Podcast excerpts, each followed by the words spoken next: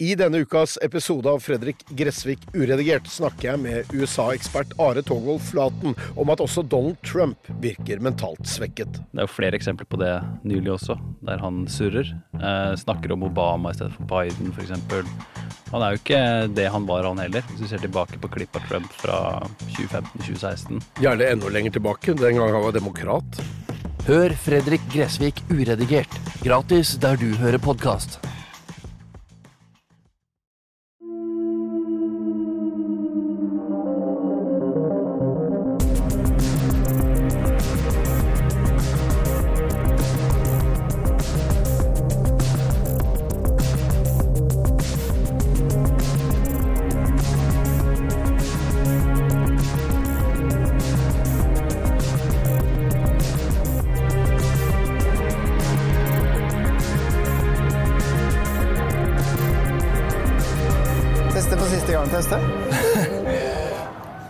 Stein Morten, hvor er vi nå? Nei, det kan vi jo egentlig ikke si, for vi er jo et sted i Asia hvor eh, Roger Bullmann, 54 år, etterlyst for drap i Thailand, skjuler seg. Og eh, hjemme så sitter en eh, ni år gammel jente, datteren hans, og venter på pappaen sin. Og han har nå vært på flukt i hva er det, tre-fire måneder. Ok, Saken her er jo en nordmann som har vært på ferie i Thailand med sin kjæreste. Er ute på byen. Eh, kommer hjem fra byen. Og, er, ja. Eh, og han stiller seg opp på balkongen på hotellrommet sitt og begynner å synge opera. Ja, og det liker ikke naboen. Nei, ikke noe særlig godt. En britisk statsborger som har en to år gammel sønn i leiligheten. Dette er jo tre-fire på natta. Eh, og det ender jo da Eller det ender ikke, det blir en forferdelig krangel ute på verandaen. Hvor de kjefter på hverandre. Og så begynner jo historien å sprike her. Ja, for det vi kan lese av britisk presse, er jo at eh, denne her, eh, en thug av en nordmann har da hoppa over fra balkong til balkong. Knust en glassrute. Knust en glassrute hoppa inn på, på hotellrommet til den familien. Naken, påstår hun. Og så uh, tatt livet av den her eh, briten. da. Ja. Det, det er jo en helt vill historie. Han blir fengsla, uh, slipper ut på kausjon, uh, og så ender han opp med å, å stikke derifra. ja, han stikker jo, så vidt jeg har fått skjønt, da, så stikker han fordi at uh, han er livredd for å dø i thailandsk Ja, fengsel. Vi har blitt kontakta av hans kompiser og har fått til det møtet her. Disse vennene til Roger har jo gitt oss noen adresser i denne storbyen, men vi vet jo ikke helt hvor han er Han. For han flyttes jo hele tida. Og alt ser likt ut. eh, og de gatene heter jo mye av det samme. Eh, Jeg tror faktisk vi skal inn her, ja. Inn i et smug, sa han. Tror du det er inn her? Prøv der. Ok. Altså, jeg vet ikke om det skiltet peker på den gata eller den. Ja, det er her. Ja, prøv å gå Jeg inn døra. bare gå inn og spørre. Ja, jeg står og venter. Ja, han har bodd her, men han er ikke her lenger nå. Han flytta for et par dager siden. Sa de? Han har åpenbart blitt flytta igjen. Han blir jo flytta hele tiden. Ok, Kanskje vi skal ringe den kompisen i Norge, da.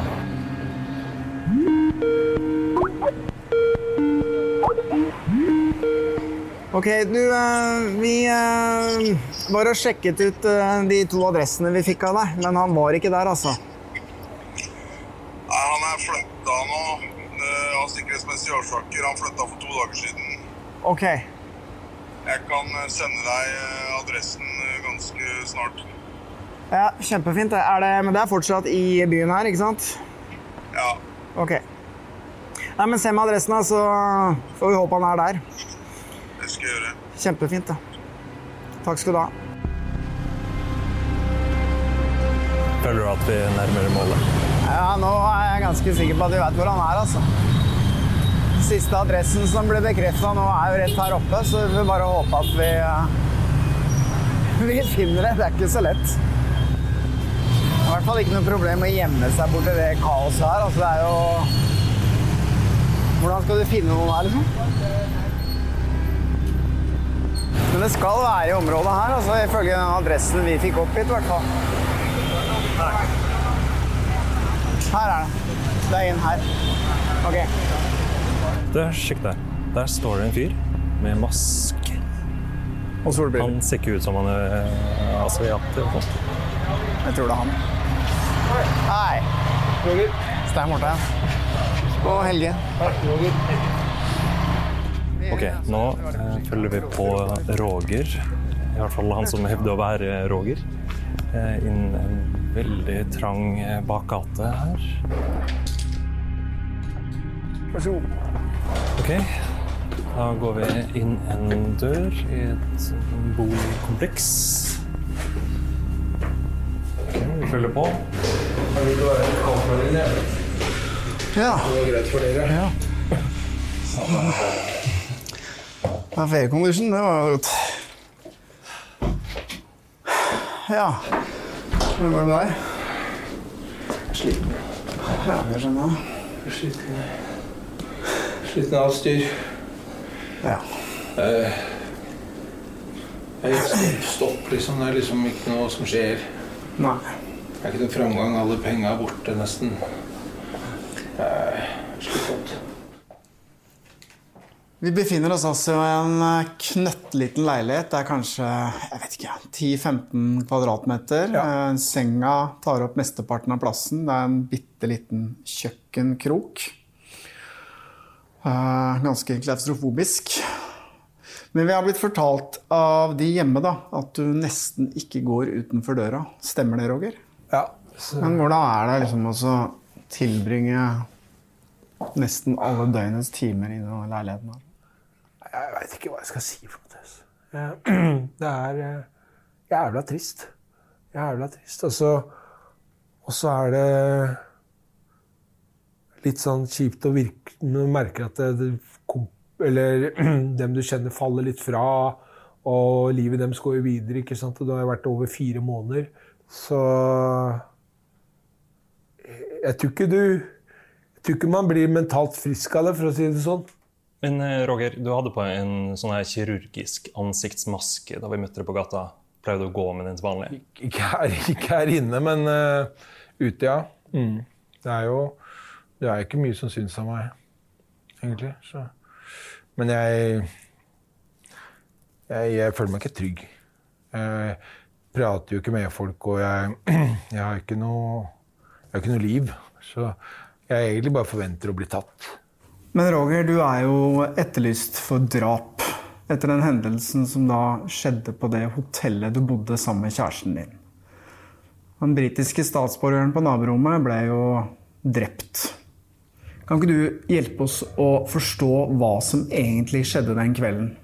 Kan jeg først få kondolere til den familien og si hvor lei meg jeg er for det som har skjedd? Selvfølgelig skal du få lov til det. Jeg vil gjerne si at jeg er utrolig lei meg for det som har skjedd, og skammer meg veldig. Og det skulle aldri ha skjedd at en liten gutt har mista faren sin, og en, en ung kvinne har blitt enke på, grunn av meg. Det skulle aldri ha skjedd. Noen ganger skulle jeg faen meg ønske det var meg, så slapp jeg dette her. Så jeg, jeg ser på han som en eh, Han mannen som en slags helt. Prøv, jeg, jeg tenker han prøvde å beskytte den lille familien sin, som jeg ikke ante om eh, var der engang. Og at han ville sette stopper for det der sk- og skrikinga og det der greiene mitt. Jeg, eh, hvis jeg noen gang kunne få pr prata med han gutten, og sånn, så hadde jeg sagt at faren hans var en helt. Han prøvde å redde deg og mammaen din. Eh, og hun jenta mi hun har ikke gjort noe annet enn bare bra. Og hun fortjener faen ikke å miste faren sin. Altså. Jeg veit at jeg har driti meg skikkelig ut og gjort noe ordentlig gærent. Og jeg syns så synd på han gutten som har mista pappaen sin, men jeg skulle ønske det var mulig at eh, Norge skjønte det at eh, det er ikke noe bra å ta fra meg. Henne og henne meg. Jeg kunne, kunne bare hjelpe meg hjem, så kunne jeg få en straff, samme hva det var. Men akkurat nå, noe- hva tenker du? Hvordan tror du dette kommer til å ende for deg? jeg tror jeg blir tatt. til høyre for dere når dere går fra hotellet, så er det britiske konsulatet og franske konsulatet. Og det er de som er britene som er mest interessert i meg, tydeligvis. Og det er kameraer overalt her. Og jeg må ut og kjøpe mat uansett. Hvis ikke så overlever jeg jo ikke. Og det er en, en, eller annen, en eller annen som sier bare plutselig er ikke det han der, og så tar et bilde, og så er det gjort. ikke sant? Så blir jeg tatt. Det var nesten lettere i begynnelsen når eh, jeg bare var opptatt av meg sjøl og hva som skjedde. Før jeg begynte å tenke litt og fikk de brevene og greier. Så, så er det ikke meg. Det er, jeg er jo 54 år. Jeg, jeg, det er ikke så farlig med meg. Jeg skulle ønske jeg skulle ønske hun slapp det.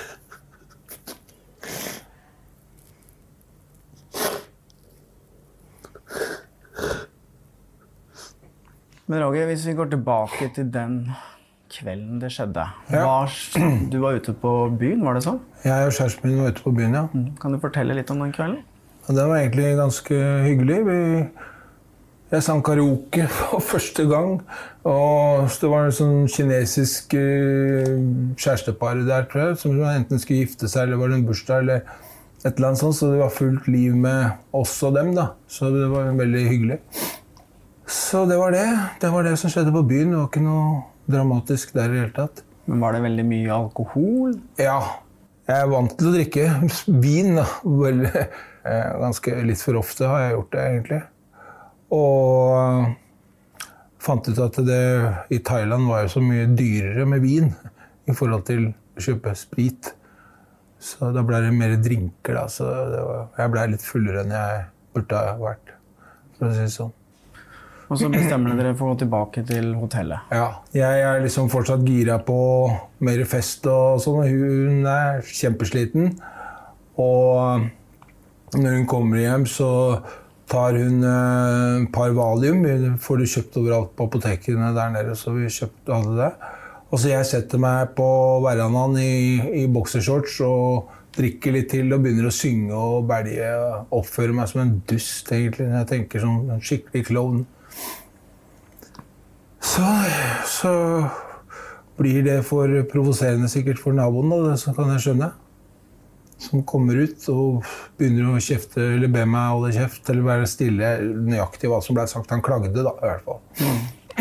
og jeg oppførte meg da dårlig. Det var ikke slang masse dritt, og det ble sånn ordentlig verbal eh, drittslenging mellom oss og kasta et glass i den midtveggen der og prøvde å røske og rive inn og, og masse greier. da, Masse dritt som slangen. da. Dama mi hun bare tok dyna over hodet og, og liksom eh, turte ikke å blande seg bort i det. Jeg ante ikke at det var et barn og en dame i, i den leiligheten hans. Men selvfølgelig, det er et familiehotell, så jeg burde jo kanskje ha tenkt meg at det kanskje var det. Men, eh, men jeg eh, akkurat på det punktet der så var ikke det det jeg tenkte på. Jeg bare ville vinne den eh, verbale diskusjonen og krangelen, liksom. Så forsvinner han inn, og rett etterpå hører jeg det dundre på døra mi. Vi trodde det var vaktene på hotellet som kom for å klage. Men så lukker jeg opp, og der står han. han mannen, han, det er en svær mann jeg snakker om. Han er 20 år yngre enn meg, med en kniv i hånda. Den ser jeg ikke før han kjører den inn i skulderen på meg. Selve stikket eh, merka jeg ikke i det hele tatt, men armen døde helt ut. Og det som skjer etter det, eh, kan jeg bare kalle for eh, autopilot. Ok, men La meg stoppe deg litt. Ja, gjør det. Han kommer på døra di, og Mm. du åpner opp. Og så går han rett i angrep og stikker deg med kniv i armen. Har du et arr etter det? eller? Sånn Ja, det er jo tatoveringer der, så det er okay. eh, umulig å se det. Okay. Så, men det er jo i politirapporten og på sykehus, og jeg har vært på sykehus og blitt sydd. Og, okay, Så du havna på sykehuset og fikk sydd ja, ja, jeg måtte på sykehuset. Blod spruta ut, pumpa ut derfra. Den eh, kniven var vanlig sånn smørekniv, men den bøyde seg i det humerus eh, øvre overarmsbeinet. da. Fikk jeg høre av politiet og sånn på sykehuset.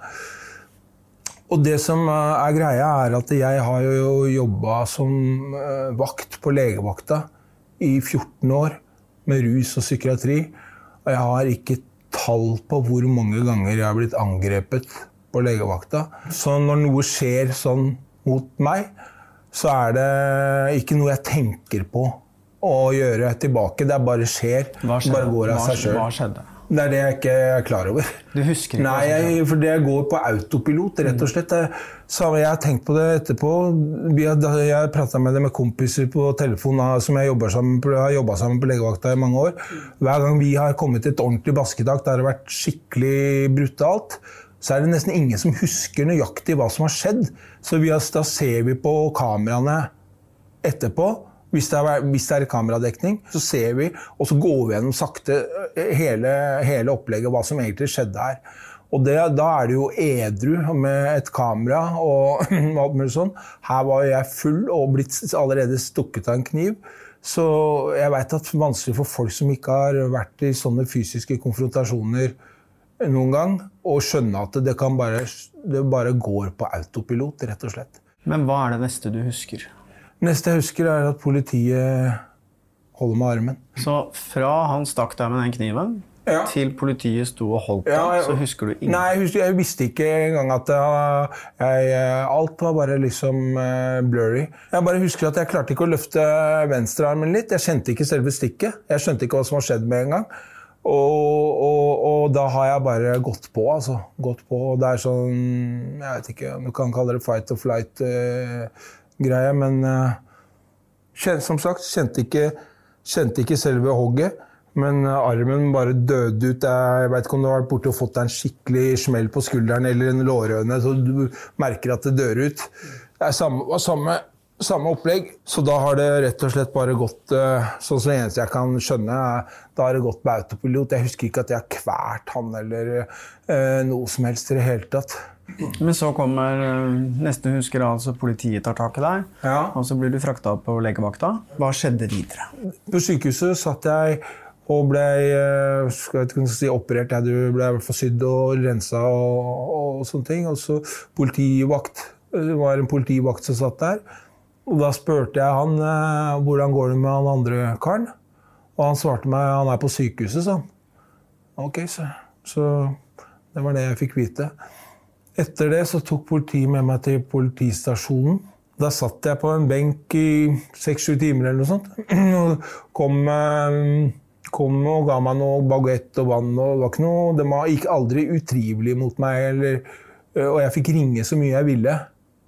Så fikk jeg um, mulighet til å, å komme på kausjon. Så var det snakk det var mellom 60 og 70 000 kroner, tror jeg. Hun skulle, hun skulle ha inn på sin konto, hun advokaten. Så da var liksom kausjonen ordnet. Og da blir du ført i fengsel. Etterpå sånn celle. Der var jeg sammen med 25-30 andre. Sånn en MC-gjeng, blant annet. Som jeg skjønte hadde nesten drept en engelskmann, da, etter hva jeg forsto. De satt der eh, alle heltatuerte. De hadde gule fange, nei, oransje fangedrakter som på film. Og hadde svære lenker med kuler som de måtte løfte opp for å gå. Og, Men ble du lenka fast, eller? Nei. Ikke jeg, ikke jeg, ikke, ikke noen eh, andre som var der, eller ble heller ikke lenka fast. Men de gutta hadde det selvsagt tydeligvis morsomt, for de bare lo og kødda.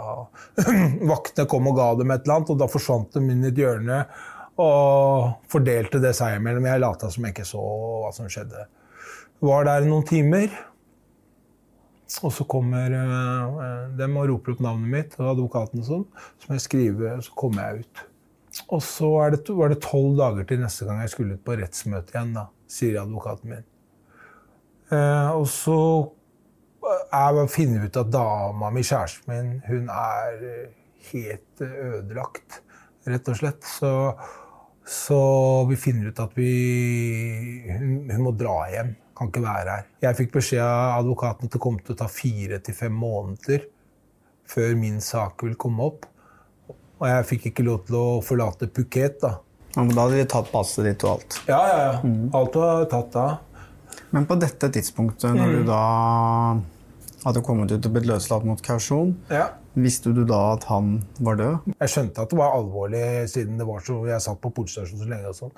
Og da spurte jeg ordentlig hva er det egentlig som har skjedd med han. liksom? Hva er det? Så sa han at han er død. sa han. Da bare Kan du huske hva du tenkte da? Du fikk den beskjeden? Nei, jeg vet ikke. Det var bare kaos i hodet mitt. Tenkte du at du måtte rømme? Ja, det var ingenting som tenkte, fikk meg til å tenke det til å begynne med i det hele tatt. Det var, eh, det var jeg, jeg tenkte jeg skulle For jeg hørte snakka med en kompis og sa at det, det går greit i Thailand hvis du betaler enka så og så mye og dommeren så og så mye, sånn blodpenger og sånn opplegg, og betaler for sikkerhet, så, så får du ned straffa di. Kan du få ned straffa di veldig mye uansett, liksom, da. Så det var det jeg eh, forespeila meg at jeg hadde tenkt å prøve på. Du skulle rett og slett bestikke enka til engelskmannen for å få en lavere straff? Ja. Og så, men eh, dagen etter at hun eh, drar, så går jeg ut på gata, så er, det- står det en kar, høy kar midt i gata og ser på telefonen. Ser ut som han bruker Google Map eller et eller annet sånt. Så sier han eh, 'Bullmann', sier han med en gang jeg går forbi. På engelsk.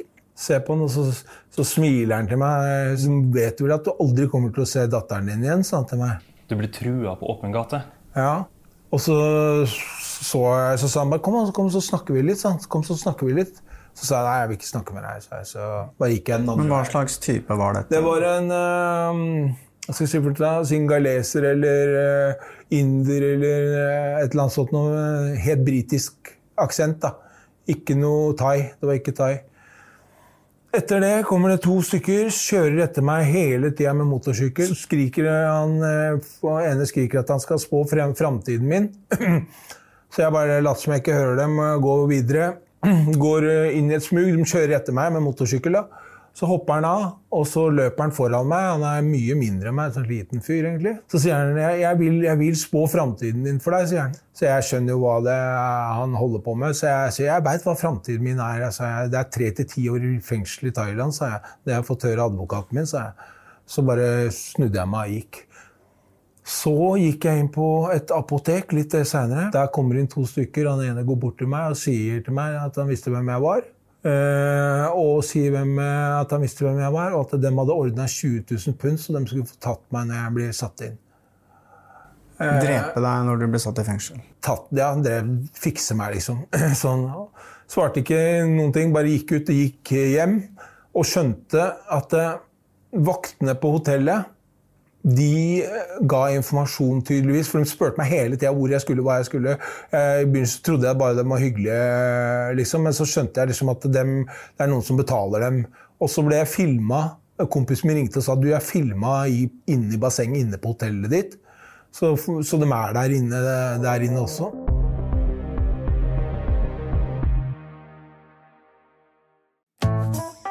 Har du et enkeltpersonforetak eller en liten bedrift?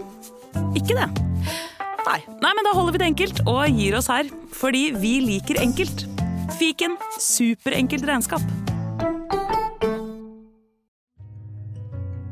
Hvis du setter pris på Avhørt og syns at den jobben vi gjør er viktig, så kan du støtte oss ved å vippse til 8075 99, eller søke opp Batong Media i vips appen Og vi setter stor pris på alle bidrag, store og små. Du ble altså filma inne på hotellområdet. Det ble publisert i en britisk avis, nettavis. Ja. Hva, hva gjorde du så? Så ringte jeg hjem til kompisene mine igjen, da, som, eh, som uh, hadde noen kontakter om hvordan det kunne gå an å komme seg vekk fra Thailand hvis du måtte. Og så gikk jeg ned den kvelden så gikk jeg ned på en bar. Jeg hadde ikke drikke, jeg hadde ikke toucha alkoholdråper siden dette her skjedde. Men jeg hadde kjent en jente igjen derfra, fra Huain. Jeg var på, i Thailand for tre år før det. Vi hadde hilst på hverandre. Så vi bare prata, så, så sa hun også at hun hadde hørt om det.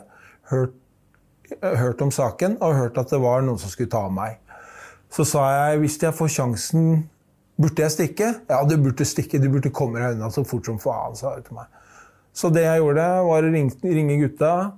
Og så, Så disse vennene dine hjemme i Norge var de som da ordna med flukten din? Ja. Er det det du sier? Mm. Ok, Så Mm. de satte i gang liksom denne Ja, de kjente noen som kunne ordne noe sånt. da.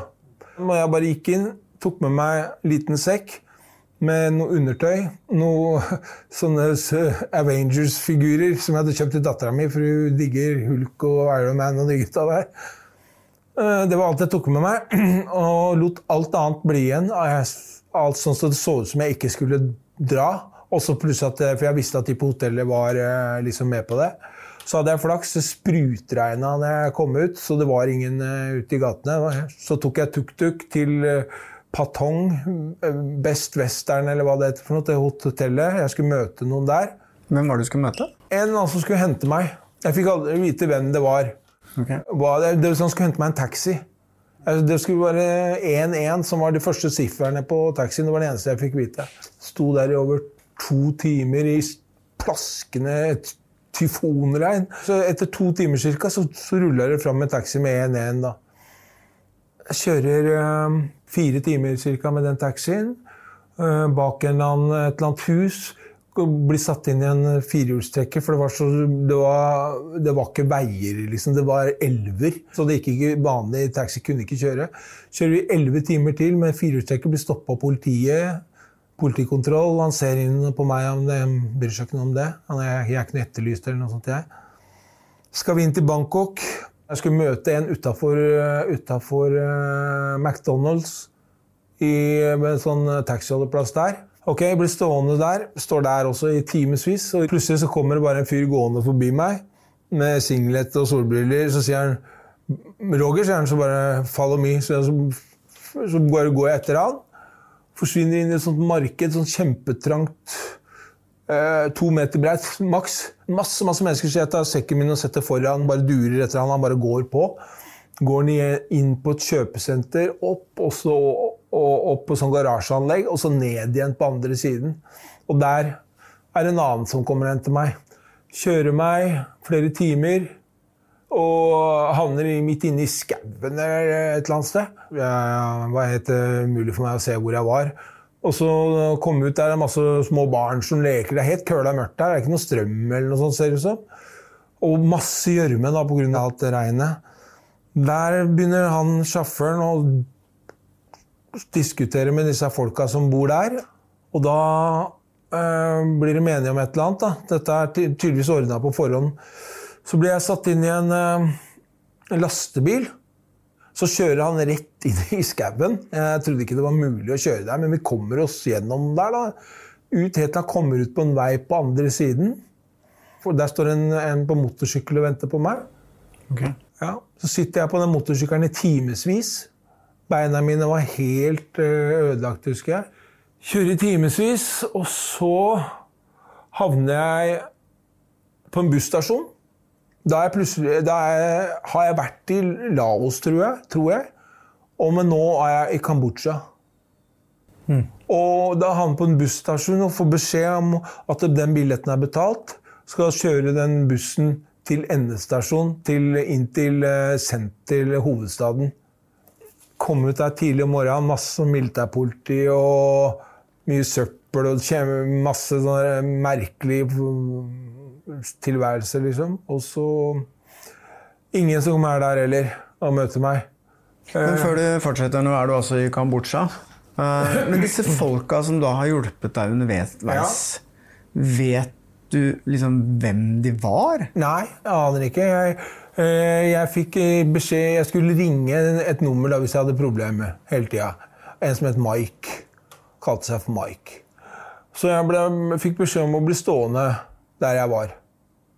Og så venter jeg flere timer der òg. Kommer det en fyr på motorsykkel, henter meg. Kjører han meg Han kjører meg til en restaurant eh, som ikke er åpna, men så eieren kommer ut og hilser på meg. Og så spurte om jeg ville opp, og han hadde dusj. Og, og så spurte om jeg ville dusje og spise og sånn. Jeg, jeg tok litt grann mat. Jeg var, jeg var ikke akkurat så veldig sulten, for å si det sånn. Og ikke, jeg ville bare videre. Jeg ville bare videre. Men når du er i Kambodsja, da har du noe som helst plan om hvor du skal videre? Ja. Okay. Da har jeg en plan. Hva er den planen? Den, Hva var den planen? eh, Jeg kjente til én kar som, som bodde i Jeg visste ikke om han bodde nord eller sør. eller Jeg har møtt den én eneste gang i hele mitt liv. Så du hadde en kontakt som Jeg har aldri, da- aldri prata med han. Jeg har møtt han en eneste gang, hilst på han en eneste gang. Aldri prata med han. Og han har også en bror som er der, og de er ganske kjente i Norge, da. Kjent for hva da? Ja, jeg, jeg tror ikke jeg vil si det. Så jeg, tror, ah, okay. jeg tror det er uh, farlig, rett og slett. Farlig. Ok, Vi trenger ikke å snakke noe mer om det hvis du ikke har lyst til det. Men hva skjedde egentlig videre? Ja, jeg ble sittende på den eh, kafeen, og så kom det en motorsykkel igjen. Og så kjørte meg til et, eh, et sånt kjøpesenter. Der var det en annen fyr som kom og møtte meg. En eh, veldig hyggelig kar som hadde noe hofteskade, husker jeg, som gikk veldig skeivt. Han sa til meg at han skulle følge meg til Og eh, da skulle vi ta en buss til grensa. Vi skulle bare ta til grensa. Alle andre skulle gjennom grensa, så de måtte levere passet sitt. Vi skulle liksom spille kasino hos han på grensa. Eh, Så vi dro til grensa. Og da ville han eh, bare Når vi kom dit, så ville han bare ordne med en sånn, sånn motorsykkel som bare skulle kjøre meg til eh, selve grenseovergangen og så gi masse dollar til han fyren som satt der, og så skulle det være i orden. Men så ringte jeg de, der, han, de brødrene da, og sa nei, nei, nei, nei, nei, dere må ikke finne på det. Det kommer ikke til å gå i det hele tatt. Man må ikke gjøre det på den måten der i det hele tatt. Men så ble vi enige om at jeg skulle vente på ved kasino. da. Og da venta jeg et par timer, og så plutselig så sto han ene, yng- yngstemann, da, yngstebror, og sammen med noen andre sto bak meg og ropte på meg. da. Og etter det så var det Nei, det Jeg vet ikke hvordan jeg skal forklare det. Vi, først så måtte han ha sekken min. For han måtte vise den til grensevakten for at det ikke skulle være noe drugs, tydeligvis. Og så var det bare å betale noen eh, dollar, og så var det å kjøre på et jorde bak der den grenseposten var. da. Og så skulle de møte meg på andre siden. da. Så kom det en ung fyr, satte meg på motorsykkelen hans, og han kjørte ut i den gørra. Jeg skjønner ikke, jeg datt av, den motorsykkelen kanskje ja, seks, sju, åtte ganger. Skada du deg da? eller? Nei, det var rett i gjørma. Og noen ganger så måtte jeg hoppe av sjøl og få dytte sykkelen ut av gjørma. Og så var det måtte vi over en sånn dike som en sånn planke, så da, da måtte jeg hoppe av så det ikke ble for tungt så den knakk. Og så klippet den høl i et gjerde. Da kjørte vi helt i mørket, så køla mørkt.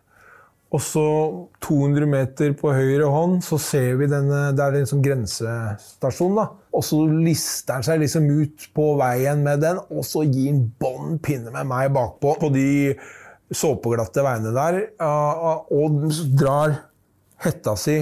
Han satt, han satt hjelm på meg. Drar han hetta si ned sånn, og så kjører han med én hånd eh, på de småveiene. Fatter ikke åssen han klarte det, men eh, vi kom oss av gårde inn på et boligområde etter en stund. Og der bare av, der så kom det noen og løp og henta meg. Legg deg en sånn hengekøye. Og så han rygga den der sykkelen sin et eller annet sted.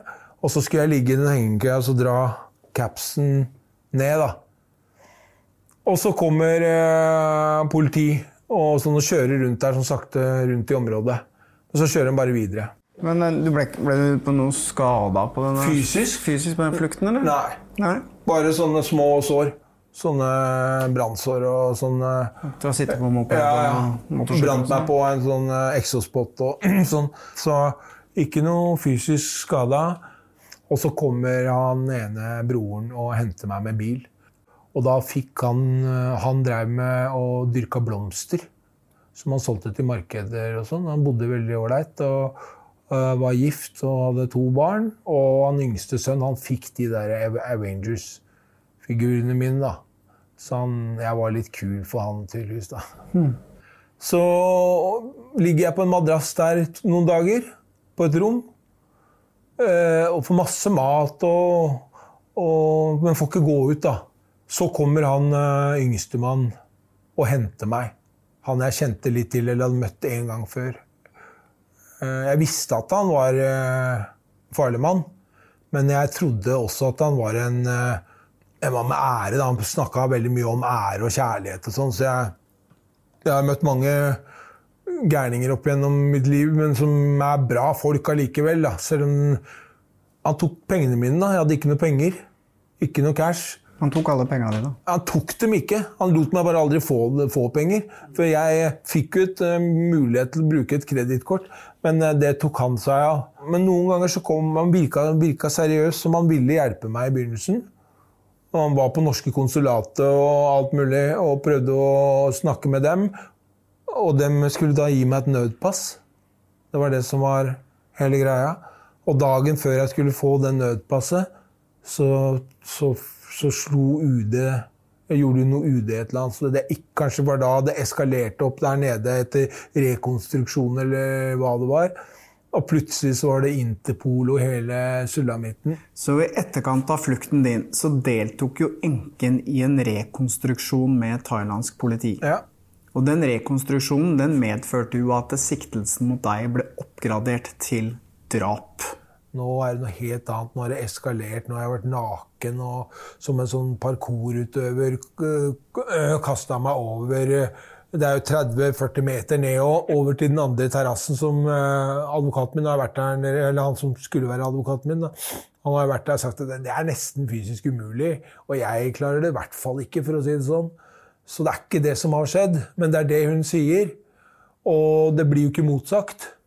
Og da skjønner jeg jo, hvis jeg da er jeg jo, da er jeg jo kling gæren. Hvis jeg er naken og kaster meg over der gjennom en skillevegg, og så bare, bare rett og slett gått i angrep på han og å kvele han, og han har begynt å prøvd å stikke meg med kniv mens jeg har kvalt han, så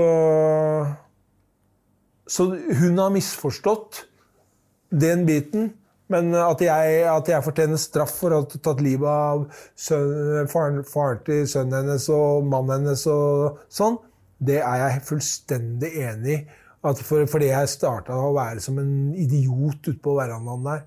Men når det faktisk ble fysisk, når vi traff hverandre fysisk, så ble det en nødvergesituasjon. Men Hva skjedde videre i flukten? da? Kan du si noe om han som skulle hjelpe deg? Han, han, hadde, han var leder for en sånn gruppe, da, han fyren her. Som uh, gjør ting politiet ikke tør gjøre. Det Som hva da? Ja, som å Hvis to uh, Han forklarte meg masse om politikken og sånn her nede.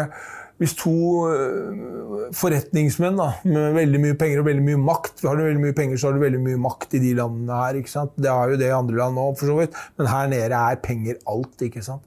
Så hvis de har en av snytt den andre, så han ikke får noe penger, så tør ikke politiet å gå inn i det. For han, han andre har for mye makt til at uh, de tør å gjøre noe med det. Eller i hvert fall sånn han forklarte det. da. Og det er, det er, ikke noe i det for dem. De får den samme lønna uansett. Uh, og hvorfor komme i problem med en, en kakse liksom, som har penger til å gjøre, lage problemer for deg? Da engasjeres dem uh, gjennom et advokatfirma, som jeg, etter hva jeg skjønte. Og spionerer på den personen den der andre personen som liksom skylder disse pengene. Holder på, de er, de er 20 stykker, det var to jenter og resten var gutter. Alltid svartkledde. Eh, og, og, og når de finner ut hvor det er best mulig å ta den, så tar de den. Og så blir den eh, ofte frakta i bagasjerommet på en bil, og han viste meg hvordan, hvor de kjørte, kjørte dem hen. Det var et sånt gjorde de hadde leid av en bonde som ikke hadde noe, hadde noe der. Som bare godtok av at det skjedde ting der, men fulgte ikke med. At de gravde ned liket der? Nei, de gjorde ikke det. Altså, så, de skremte vettet av han der. Okay. De tok, tok han ut av bilen, og der står masse folk med machete. Og maskerte og svartkledde og sånn. Så gir de han en mobiltelefon. Og så har han 40 minutter på seg, sa han alltid. 40 minutter på seg å ordne de pengene. Og da skal de ha 25% av det. Ok, Så ren torpedovirksomhet, altså? Ja. ja. Og, så, og, så, og, så, er det så skummelt at uh, du tør ikke gjøre noe med det i etterkant. ikke sant? Du betaler disse penga og så prøver å komme deg så langt vekk som mulig. ikke sant? Og det var disse folka som da hjalp deg? Ja. Okay. Han, han som var sjefen. Mm. Han jeg ble stoppa av politi mange ganger eh, pga. Det virker som nesten bevisst at fartsgrensene utover er kjempefine veier, men det er de lave fartsgrensene. Det, er, det virker bevisst for å, for å, stoppe deg. Så vi ble stoppa mange mange ganger. Og han bare går ut viser fram mobiltelefonen sin og hvem han er, og sånn, og så bare, bare sparker han småstein og så bare, bare kjør videre. bare kjør videre. Så de har full eh, respekt for han, eh, redd han. Vi var på en sånn frisørsalong og skulle prøve å fikse litt på skjegget. og sånn. Han syntes han gjorde så dårlig jobb, så han skjelte dem ut. Ringte eieren, venta vi til eieren kom og sparka ham, så han fikk sparken foran eh, ansiktet på oss, han der gutten som jobba der. Så sånn var han overalt. I alle butikker og alt som var, så var han helt sheriff, helt konge. Så du skjønte at han hadde, hadde litt makt, da. men han var samtidig veldig grei mot meg. da. Sånn snill og, og sa at inni hjertet sitt så følte han at, eh, at han fikk ikke ro før jeg kom meg i sikkerhet og, og sånne ting. Så Det her eh, høres ut som du er tatt under vingene av en eller annen mafiaboss. Jeg regner med at du måtte betale for det her? eh, han tok 10 000 kroner i uka. 10 000 kroner i uka. Ja, men det var greit. Han som hadde skaffa meg et sted å bo, han ordna meg mat, og han han øh, gjorde så jeg følte meg sikker. Pluss at en gang iblant så kom han med en av disse soldatene sine, øh, som han kalte dem, og så kjørte vi til sånne steder han visste ikke var noe folk. Da, som, vi, som svær Jesus-statue sånn som blant annet er, og, og tempel og sånn. Så vi, jeg fikk se litt sånne ting noen ganger. da. Og, men så plutselig så var det to uker han ikke dukka opp. da. Men så begynte han å skjønne at jeg kom meg ikke hjem. Jeg fikk ikke dette nødpasset. Skjønte at jeg kanskje var en slags melkeku for han. da. Og da begynte det å dukke opp masse sånne uventa problemer, som at han trengte 2000 dollar, for det var en løve, som han alltid kalte dem, som eh, hadde fått press fra thai, thailandske agenter om at jeg muligens befant meg her og at de da måtte gjøre noe med det. Også for at han løven da skulle berolige de andre, så trengte han 2000 dollar. da. Jeg trodde, jeg trodde ikke noe på det. altså. Jeg trodde ikke noe på det, Og, de, og kompisen min hjemme var fly forbanna for pengebruken. ikke sant? Eh, Men jeg tørte faen ikke noe annet enn å bare late som jeg trodde at dette var sant. Og, og betale for at jeg hadde ingen andre å forholde meg til. Ingen andre kunne engelsk heller. Ingen kan engelsk, nesten. Det er nesten umulig å forklare seg. Eh, Og han kunne norsk og, og dette språket her, så det var liksom så hadde, Og så var han såpass skummel som han var. Men hvordan, hvordan fikk du tak i disse peng, alle pengene? Eh, lånte hjemme. Så de ble sendt Ja. Ok. Eh, ikke til meg, Nei. til han. Pengene ble sendt til han jeg Ja. fra Norge. Ja. Så du bor altså hos en fyr som du så vidt kjenner fra Ja. før av. Og som du sier er leder for en nesten en kriminell gruppe. ja. For meg så høres det jo nesten ut som dette er en slags mafia. Og han holder deg innesperra hele tiden. Du får lov å gå ut noen få ganger hvor han følger med deg. Og dette betaler du liksom titalls tusen kroner for. Det høres ut som du har blitt kidnappa.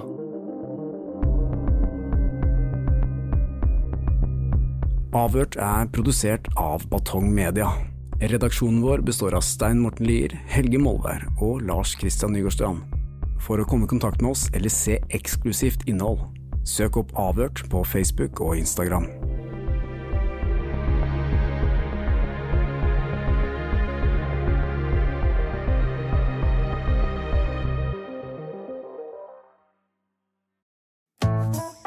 Har du et enkeltpersonforetak eller en liten bedrift? Ikke det? Nei. Nei, men da holder vi det enkelt og gir oss her. Fordi vi liker enkelt. Fiken superenkelt regnskap.